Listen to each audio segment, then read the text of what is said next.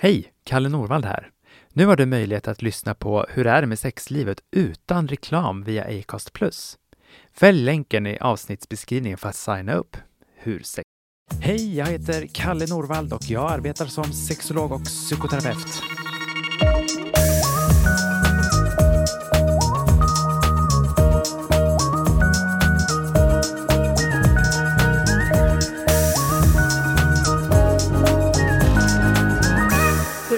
Sexlivet? Sommaravsnitt med Kalle Norvald. Life is full of what ifs. Some awesome, like what if AI could fold your laundry? And some, well, less awesome, like what if you have unexpected medical costs?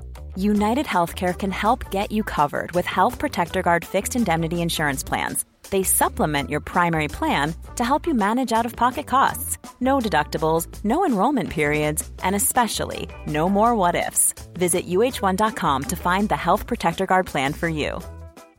This is Paige, the co-host of Giggly Squad, and I want to tell you about a company that I've been loving, Olive and June. Olive and June gives you everything that you need for a salon quality manicure in one box. And if you break it down, it really comes out to $2 a manicure, which is absolutely insane. It's also so easy to get salon worthy nails at home with Olive and June. The difference between how your nails used to look when you did them yourself and now with the Manny system is a complete game changer. The best thing about Olive and June too is it's a quick dry, dries in about one minute, lasts for five days, and full coverage in up to one to two coats. Visit oliveandjune.com slash perfectmanny20 for 20% off your first system. That's oliveandjune.com slash perfectmanny20 for 20% off your first system.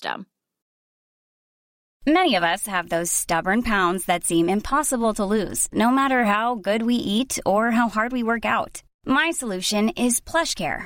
PlushCare is a leading telehealth provider with doctors who are there for you day and night to partner with you in your weight loss journey. They can prescribe FDA-approved weight loss medications like Wagovi and Zepbound for those who qualify. Plus, they accept most insurance plans. To get started, visit plushcare.com slash weight loss. That's plushcare.com slash weight loss.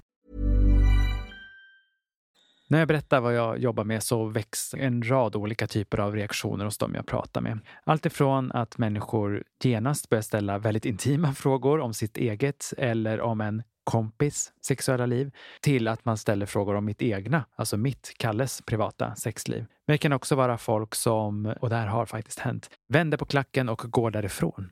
Många har en skev bild av vad en sexolog sysslar med och ställer frågor typ som Har du sex med dina klienter? Det måste vara väldigt pinsamt att höra om sånt där.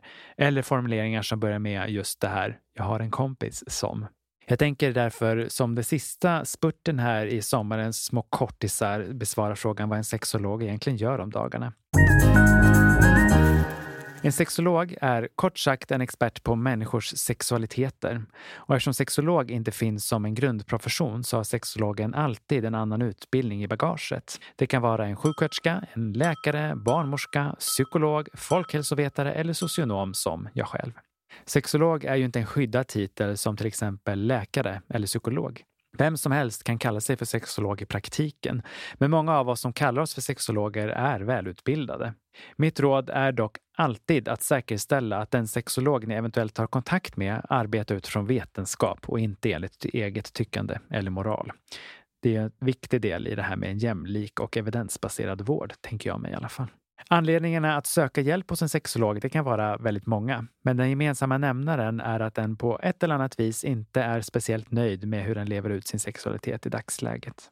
De vanligaste frågorna som jag får till min mottagning det är upplevd låg eller hög lust, svårigheter att kommunicera och eller svårigheter att identifiera sig sexuellt. Många har svårt att sätta ord på hur sina egna upplevelser om sexualitet och intimitet kan vara. Och det är egentligen inte speciellt konstigt. Sex är oftast inget som vi pratar om med vem som helst, hur som helst eller när som helst. Vi kommer inte ifrån att sex för många är en väldigt privat sak som sällan diskuteras och kanske speciellt inte när det fungerar som man vill.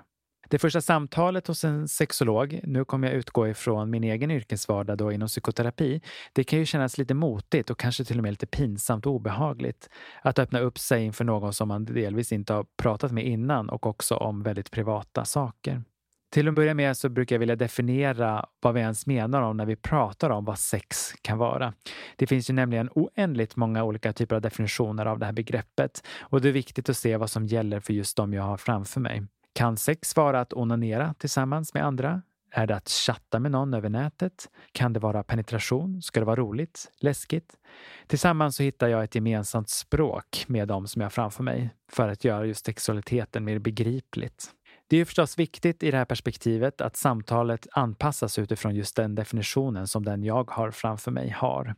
Det är en bra övning att utforska om det finns flera perspektiv av vad sex kan vara som man kanske innan inte riktigt har tänkt på.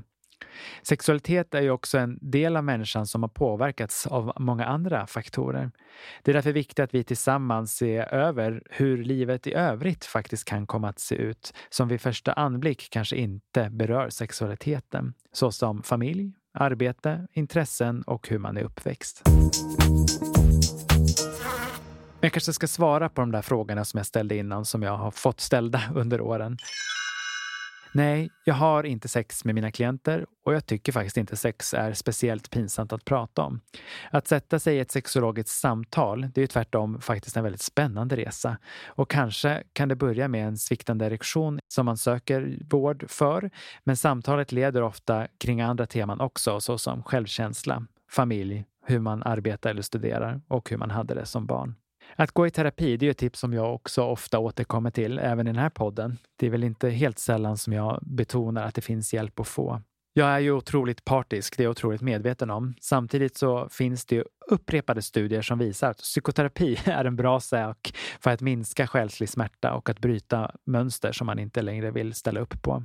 När vi inleder nya relationer så uppdagas det olika sidor, både hos själva men också i relation till de andra, som vi inte alltid har varit förberedda på. Även om sidor som triggas igång i en relation till den relation vi är med. Att arbeta med relationer och sexualitet var något jag från väldigt tidig ålder visste att jag ville göra resten av mitt liv egentligen. Jag drogs till ämnen som många vuxna hyschade kring när barn kom in i ett rum. Varför blev det så tyst? Vad var det som de pratade om som de inte ville att vi barn skulle få veta? Så här i efterhand så vet jag faktiskt inte om det var just sexrelationer de pratade om som ledde till hyschandet. De kunde ha pratat om egentligen vad som helst annars. Men intresset för just hyschandet har följt mig under hela min uppväxt och senare även i min karriär. Jag har studerat sexualitet och psykoterapi egentligen från första året jag slutade gymnasiet.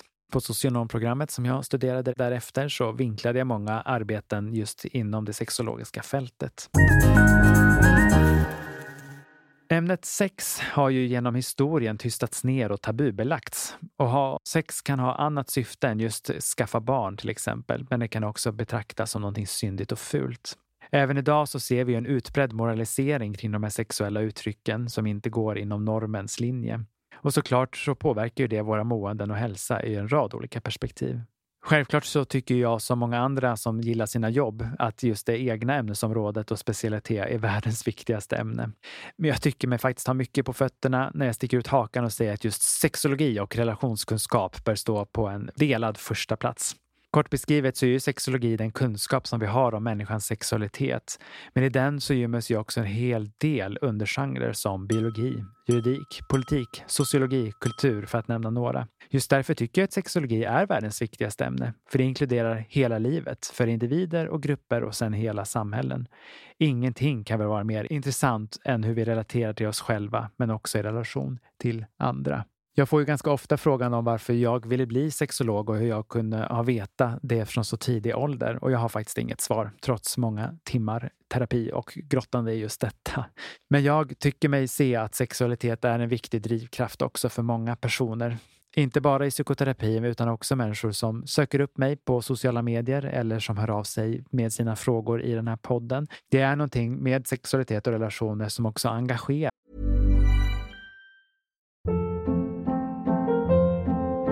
Hold up. What was that? Boring. No flavor. That was as bad as those leftovers you ate all week. Kiki Palmer here, and it's time to say hello to something fresh and guilt-free. Hello Fresh. Jazz up dinner with pecan-crusted chicken or garlic butter shrimp scampi. Now that's music to my mouth. Hello Fresh. Let's get this dinner party started. Discover all the delicious possibilities at hellofresh.com.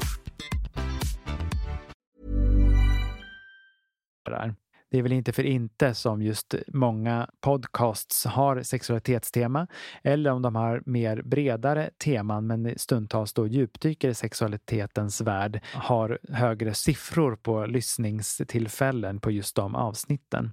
Vi dras till det som vi kanske inte diskuterar med andra i podcasternas värld. Det är därför också jag startade den här podden, för att se till att det finns kunskap som är lättillgänglig och som också är gratis för att vi ska kunna få bredda våra egna världar. Jag har ju sagt i tidigare avsnitt under den här kortissommaren att just genom språket så kan vi skapa våra verkligheter. Och jag tänker att det också är en viktig komponent i att utveckla våra sexuella delar våra identiteter. Så med det sagt så säger jag tack för att ni har varit med på de här sommarkortisarna. Nästa vecka sätter vi igång med ordinarie säsong av Hur är det med sexlivet med 12 nya spännande ämnen och gäster att djupdyka i sexologins värld. Hoppas sommaren har varit till belåtenhet och nu sätter vi igång med hösten.